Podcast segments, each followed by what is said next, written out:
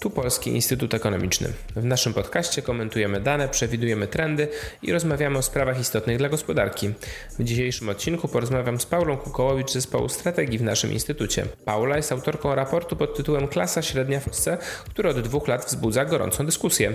Chcę dać jej możliwość odpowiedzenia na często pojawiające się w przestrzeni publicznej głosy polemizujące z raportem. Nazywam się Jacek Grzeszak i zapraszam do słuchania dzisiejszego odcinka.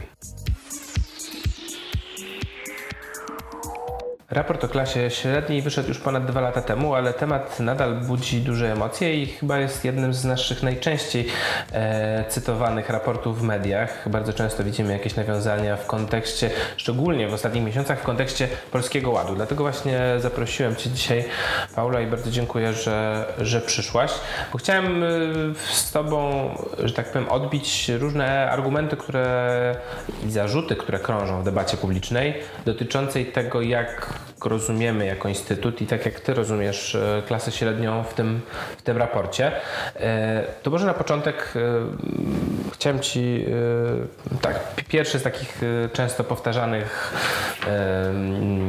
zarzutów czy uwag, to jest porównanie z krajami, krajami zachodnimi. Czy żyje się w Polsce tak jak na zachodzie, skoro mamy już tak dużą klasę średnią? Z Twojego raportu wynika, że klasa średnia to około połowa polskiego społeczeństwa, ale bardzo często publicyści czy komentatorzy zwracają uwagę, no dobrze, ale ten, ta nasza klasa średnia jak wyjedzie na zachód, no to z, z tym majątkiem nic, nic tam nie będzie znaczyła, więc czy to jest rzeczywiście prawdziwa klasa średnia, e, skoro jest klasą średnią tylko na warunki polskie? Czy to jest, jakby czemu takie, takie właśnie miary przyjęłaś w tym, w tym raporcie?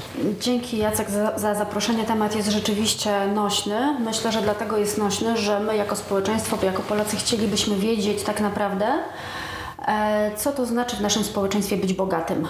I stąd kontrowersje właśnie wynikają, że różnie o tym myślimy i zderzamy te nasze wyobrażenia z twardymi, obiektywnymi danymi dotyczącymi dochodów. E, pytasz o to, jak to możliwe, że połowa naszego społeczeństwa może być zaliczona do klasy średniej, natomiast wyjeżdżając na zachód okaże się, że jesteśmy dużo biedniejsi od naszych wiem, zachodnich e, sąsiadów czy północnych.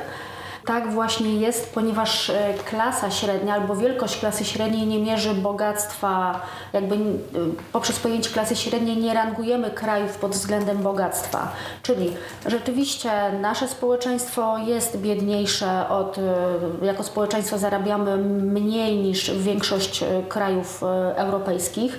Jesteśmy gdzieś tam w tym ogonie zarobków i dochodów. To prawda, natomiast to nie znaczy, że mamy mniejszą klasę średnią, dlatego że pojęcie klasy średniej y, odnosi się do y, zarobków reszty społeczeństwa, czyli nie porównujemy się do innych y, społeczeństw, ale do naszego.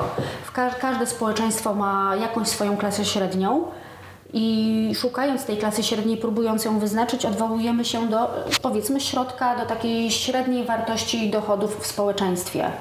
Od razu wyjaśnię, że ja w raporcie przyjęłam kryterium, które jest używane bardzo często wśród ekonomistów w, w badaniach na całym świecie, czyli e, Stosując to kryterium, bierzemy pod uwagę nawet nie zarobki, ale dochody. To, tak więc w dochody wlicza się również e, takie pozazarobkowe źródła e, pieniężne, na przykład różnego rodzaju zasiłki czy, czy, czy te wypłaty z programu 500, czyli mówimy o dochodach i mówimy nie o, nie o dochodach, znaczy nie o zarobkach, które mm, ktoś przynosi z pracy, ale o dochodach całego gospodarstwa domowego w przeliczeniu na jednego członka. Czyli możemy mieć e, czteroosobowe gospodarstwo domowe, które, w ramach którego tylko jedna osoba pracuje. I tak, tak skumulowany łączny dochód dzielimy przez, tutaj różnie, różnie to można zdefiniować, ale powiedzmy przez cztery osoby. Dzięki takiemu podejściu wyznaczamy przynależność, powiedzmy, klasową dla każdej z tych osób, a nie tylko dla osoby pracującej. Stąd powszechnie się bierze pod uwagę e, właśnie dochody przypadające na członka gospodarstwa domowego. E, I bierzemy pod uwagę to, że przy różnej wysokości zarobków i, e, przy różnej wysokości dochodów ta sytuacja, powiedzmy, dochodowa może być różna w zależności od tego, czy gospodarstwo składa się z jednej osoby, czy z pięciu, dlatego że te, te wydatki e, jakby dzielą się na większą lub mniejszą liczbę osób. I to podejście jest powszechnie e, stosowane. Występują różnice co do tego, czy jaką granicę tej klasy średniej wyznaczyć. To znaczy, przyjmuje się, że e, na przykład OECD przyjmuje, że taki dochód w przeliczeniu na osobę od 75% do 200% e, takiej takiego typowego dochodu, a więc medianowego, to właśnie osoby, które mają taki dochód będą, przynale będą przynależały do klasy średniej. E, ja to podejście też zastosowałam, przyjmując troszeczkę inną granicę, czyli tutaj 65% tego medianowego dochodu. E, no i niestety nic nie poradzę na to, że w społeczeństwie polskim e, dochody są niskie i w związku z tym ta granica przynależności do klasy średniej również jest niska. I z tego wynika ten przedział 1500 do 4500 tysiąca złotych na y, osobę w y, gospodarstwie domowym. Tak, y, zalicz, powiedzielibyśmy, że ten przedział właśnie jest od 1000, przyjmując wartości oczywiście z 2019 roku, od 1500 do 4500, natomiast to są te graniczne wartości. Natomiast chcę podkreślić, że taką typową, najbardziej typową wartością dochodu na osobę, czyli medianową jest 2500 tysiąca złotych na osobę, więc jakby mówiąc o, czym, o tym, czy to dużo, czy mało, mało, myślę, że warto raczej e, posługiwać się tą medianową wartością, bo to jest mhm. ta najbardziej typowa wartość, czyli 2,5 tysiąca złotych na osobę netto. To oznacza, że w czteroosobowym gospodarstwie domowym, w którym jedna osoba pracuje, i nie ma na przykład e, innych źródeł dochodu, mielibyśmy zarobki e, w rzędu 10 tysięcy złotych netto. Oczywiście można jakby, to podejście może się podobać lub nie podobać. Chcę podkreślić, że OECD w swoim raporcie dotyczącym właśnie klasy średniej w państwach przynależących do tej organizacji oszacowało, że wielkość klasy średniej w Polsce wynosi 65%. To jest i tak ponad 10 punktów procentowych więcej niż niż z mojego raportu wynika. Możemy jakby przyjmując różne definicje e, klasy średniej e, tą wielkość różnie szacować. To nie o to chodzi, czy to jest 65% czy 55%, bo to jest pewna jakby to oszacowanie zależy od przyjętych granic.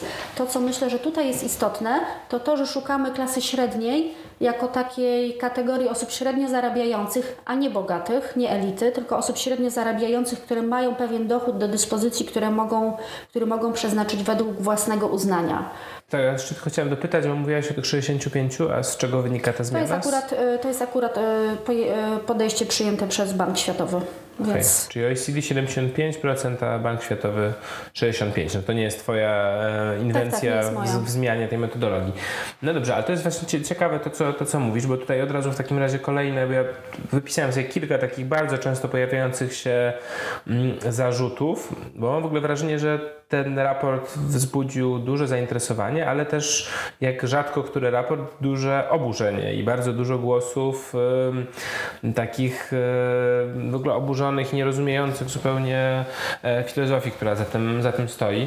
E, bo mówiłaś o tej, o tej niezależności, no to od razu chciałem do tego, do tego powiedzieć, jak, jak, jak określana jest ta niezależność majątkowa, e, bo ona jest bardzo często właśnie podawana jako, niezbywalny element bycia tą klasą średnią, że klasa niższa, czy tam klasa ludowa jest taką faktycznie walczącą o przetrwanie, o byt każdego dnia, a klasa średnia to jest ta, która ma zabezpieczone podstawowe potrzeby, no ale tutaj się otwiera ogromne, po prostu szerokie pole znaczeniowe, definicyjne, bo można sobie wyobrazić niezależność majątkową przez posiadanie właśnie sporego majątku, nieruchomości, e, posiadanie kapitału, który pozwala na utrzymanie się przez pewien czas, na przykład bez zarobków, a więc taką swobodę, no ale to trudno powiedzieć na podstawie też Twojego raportu, żeby tak wyglądała sytuacja klasy średniej, która raczej jest obciążona kredytami, raczej nie ma mm, dużego, dużego kapitału czy majątku. E, więc jak ty określasz tą niezależność majątkową? Ile, ile trzeba mieć, żeby właśnie zmieścić się do klasy średniej, jak chodzi o, o tą niezależność? Ja myślę, że tutaj nie ma jednej odpowiedzi na to pytanie. Można mieć bardzo dużo i i o takiej niezależności też ciężko będzie mówić. E, może zacznę od początku. Skąd w ogóle pojęcie niezależności? E, myślę, że wywodzi się ono z takiej socjologicznej definicji klasy średniej, której gdzie, gdzieś tam w XIX wieku mieliśmy proletariat, który posiadał jakby tylko tą pracę rąk własnych i jego przetrwanie było zależne od tego, czy, czy tą pracę mają komu sprzedać, czy nie i burżuazję, która powiedzmy posiadała te środki produkcji. I tutaj właśnie między takim dwubiegunowym światem klas pojawia się klasa średnia, która jest w stanie się utrzymać, jakby posiada pewien, pewne kompetencje na które jest duże zapotrzebowanie i posiada pewną niezależność w związku z tym, że e, jest w stanie się utrzymać niezależnie od tego, czy, czy pracuje w jakiejś fabryce. I chodziło tutaj konkretnie o osoby wykonujące wolne zawody. Więc mówiło się o tej niezależności właśnie dlatego, że oni, te, te grupy osób były w stanie znaleźć jakieś własne miejsce na, na rynku pracy dzięki temu, co potrafili umieć, dzięki temu, co potrafili. E, w związku z tym ta niezależność dotyczyła osób wykonujących wolne zawody, na które wtedy też rosło zapotrzebowanie. Natomiast e, dzisiaj myślę większość, e, większość z nas e, gdzieś e, na takim rzeczywiście dużym rynku pracy, w dużym w tym sensie, że e, mamy duży, duży, duży udział pracy najemnej, e, posiada tego typu niezależność. E, Czyli jesteśmy w stanie wykonywać pracę dla wielu, większość z nas jest w stanie wykonywać pracę dla wielu, wielu pracodawców. I myślę, że jednocześnie to pojęcie właśnie niezależności zyskało troszeczkę inny wymiar. E, Często się stawia taki właśnie zarzut, że niezależność można mieć tylko wtedy, kiedy e, mam, posiadamy jakiś pewien majątek, który stanowi nasze zabezpieczenie. Myślę, że ten argument też można odbić, dlatego że można mieć majątek i równocześnie nie umieć go spieniężyć, e, nie, nie być w stanie e, jakby e, wyjść poza jakąś granicę ubóstwa posiadając majątek. Więc to jest problem z, z tym, jak oceniać majątek. Myślę, że jeżeli byśmy przyjęli takie kryterium e, niezależności, czyli e, posiadanie majątku, to okazałoby się, że ono również nie, nie daje bezpieczeństwa finansowego, nie daje bez, e, bezpieczeństwa tego rodzaju. Natomiast dla mnie tutaj ważniejsze jest takie pojęcie nawet nie tyle niezależności, co posiadania, pewnego dochodu, który można wydać nie tylko na przeżycie. Dlaczego to jest ważne? Bo myślę, że, dla, myślę, że dlatego, że w takiej dyskusji na świecie pojęcie klasy średniej to jest pojęcie, które odnosi się do takiej grupy, która napędza konsumpcję e, która jest w stanie e, pewien e, dochód przeznaczyć na rzeczy, na które, na które chce, e, chce zawalczyć o posiadanie własnego wyższego statusu i to jest coś, co napędza rzeczywiście działanie gospodarki. Dlatego e, bardzo często w nagłówkach wielu zachodnich e, czasopism widzimy, że klasa średnia się powiększa i to jest dobry, dobra wiadomość dla globalnej gospodarki.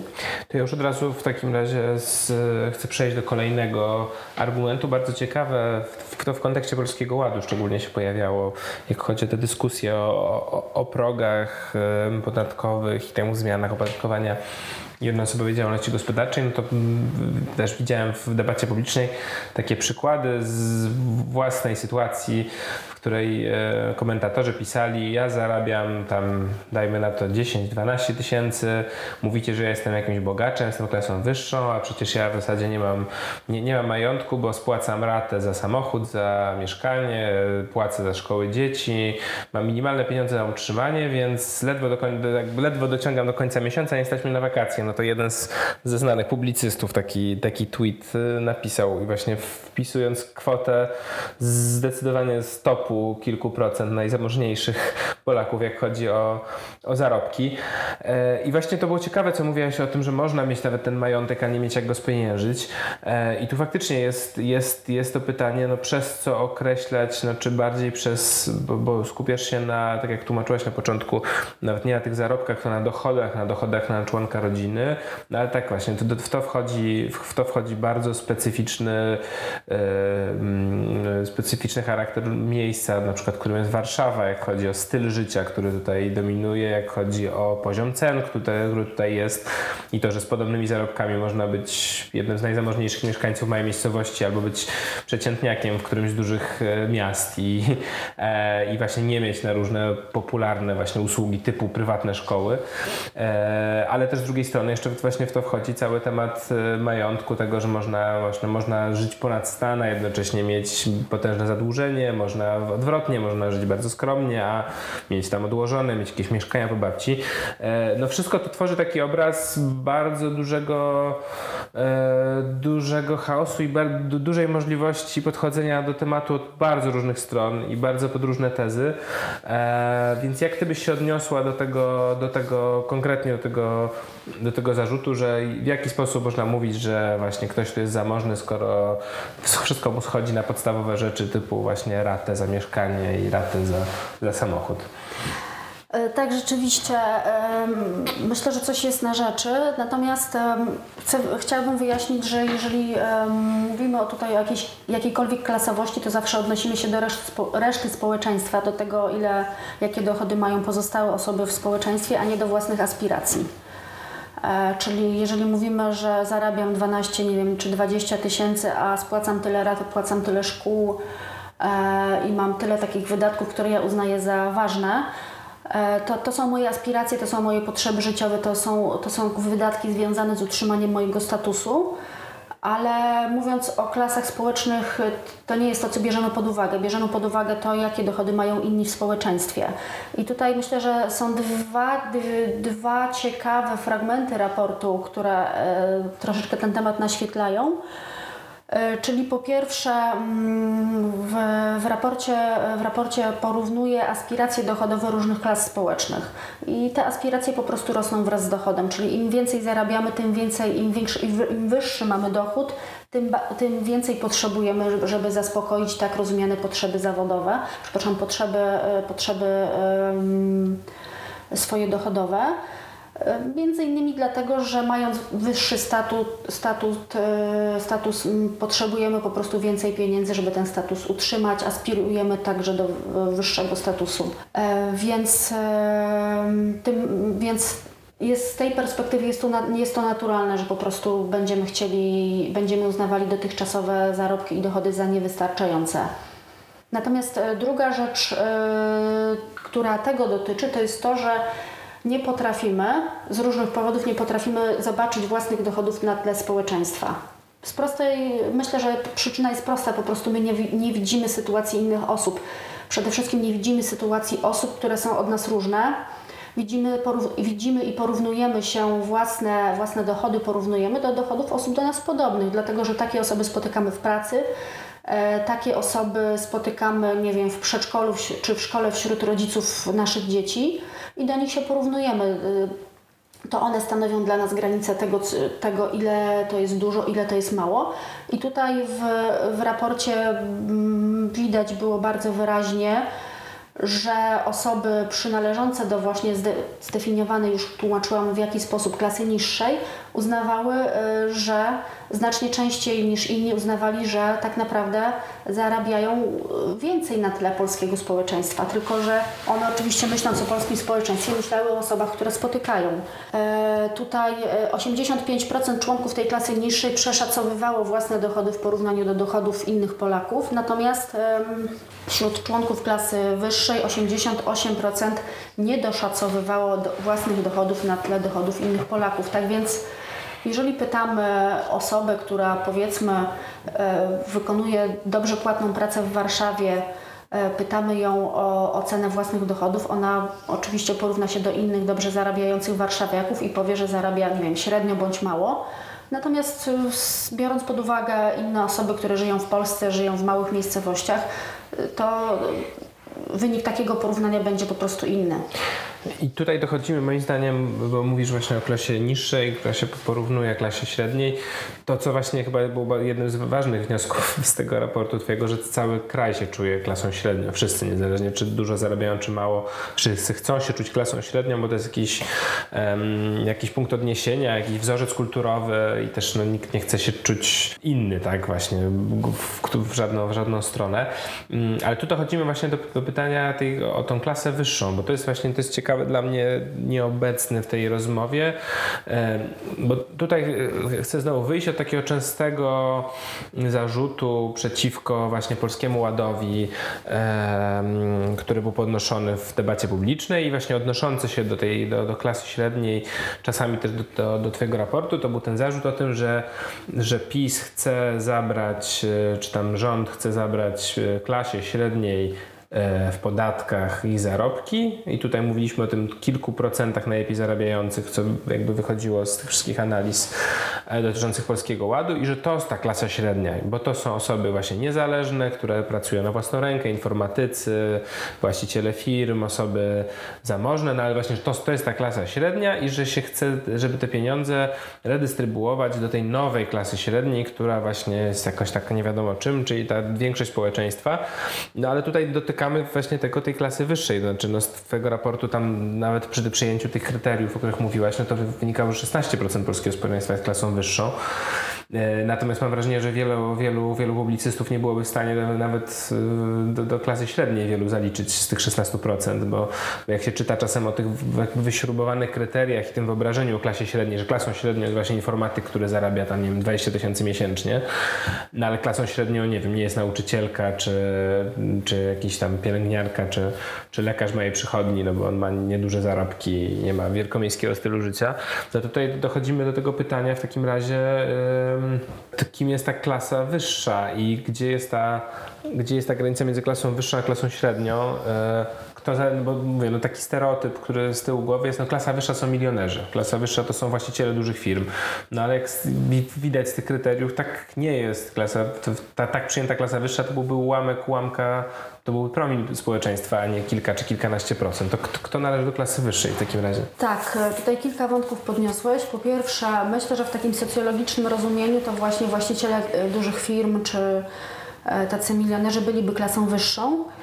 E, dlatego że w takim socjologicznym ujęciu e, klasą wyższą właśnie byli, e, byli ci, którzy mieli taką tak rozumianą niezależność majątkową, że w pewnym sensie nie musieli pracować.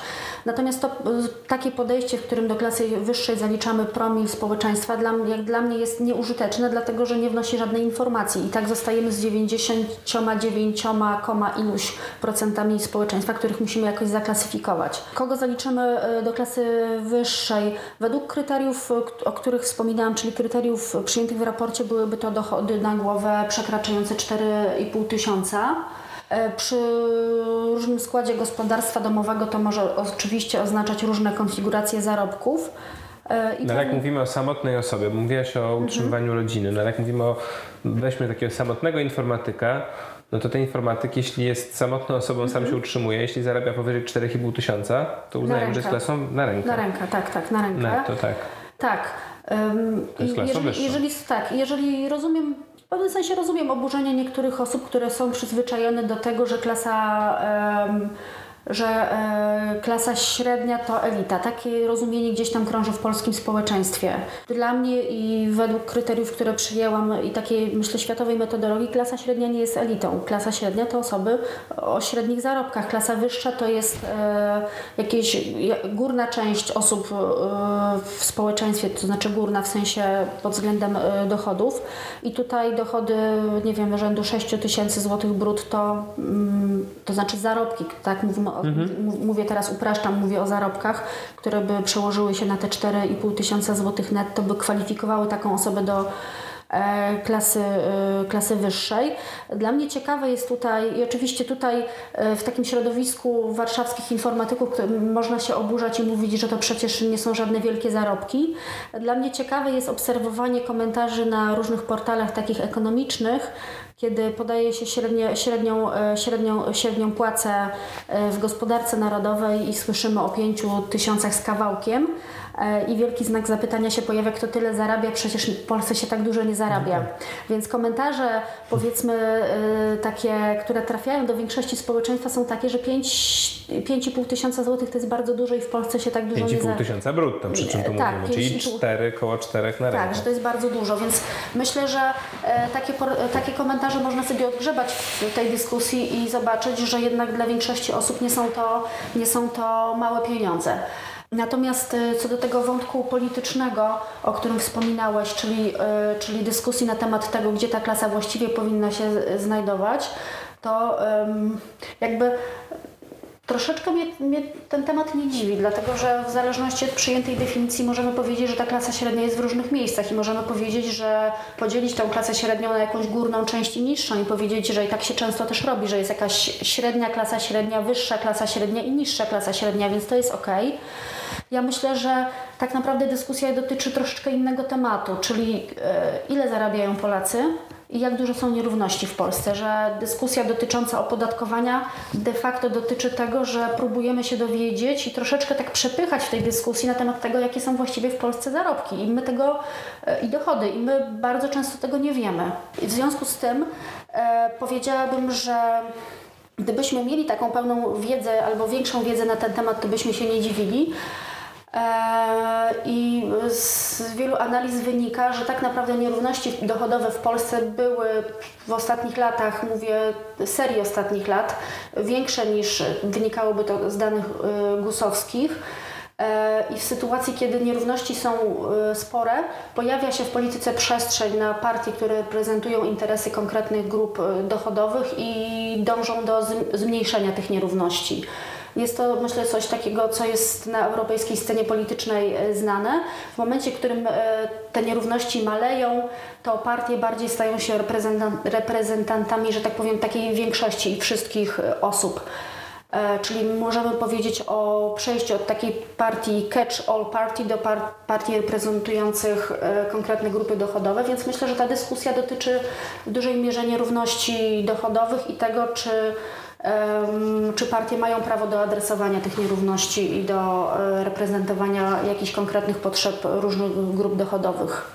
Tak, i to jest rzeczywiście y, ciekawe i ciekawe to, co, na co zwróciłaś uwagę, że z jednej strony można spotkać komentarze, kto zarabia tą średnią, czyli 6 tysięcy brutto, a z drugiej strony można przeczytać na poważnie komentarze o tym, że przecież osoba, która zarabia 12 czy tam 15 tysięcy złotych na rękę, no to nie jest wcale jakiś top, tylko to jest zwykły, uczciwie pracujący przedstawiciel klasy średniej, któremu należy się wsparcie, a nie opodatkowywanie go i to faktycznie nie, nie budzi takiego zdziwienia i sprzeczności dopiero po dłuższym zastanowieniu się. To już na koniec w takim razie mówimy o raporcie, który był opublikowany we wrześniu 2019 roku, ale też wiem, że pracujesz, yy, zaczynasz pracę nad kolejną edycją raportu, więc możemy już zapowiedzieć, że w przyszłym roku tak będzie Tak, planujemy na kolejny 2022 rok e, drugą edycję raportu, a myślę, że trochę adresującą te pytania, które się pojawiają. Więc tak, więc mam nadzieję, że, e, że z tego będziecie mieć Państwo ciekawy obraz, jak to się zmieniło też przez te e, 3 lata od publikacji, bo już minął to 3 lata od publikacji poprzedniego raportu. Bardzo Ci dziękuję za rozmowę. Dzięki. E, moim Państwa gościem była Paula Kukołowicz z zespołu Strategii.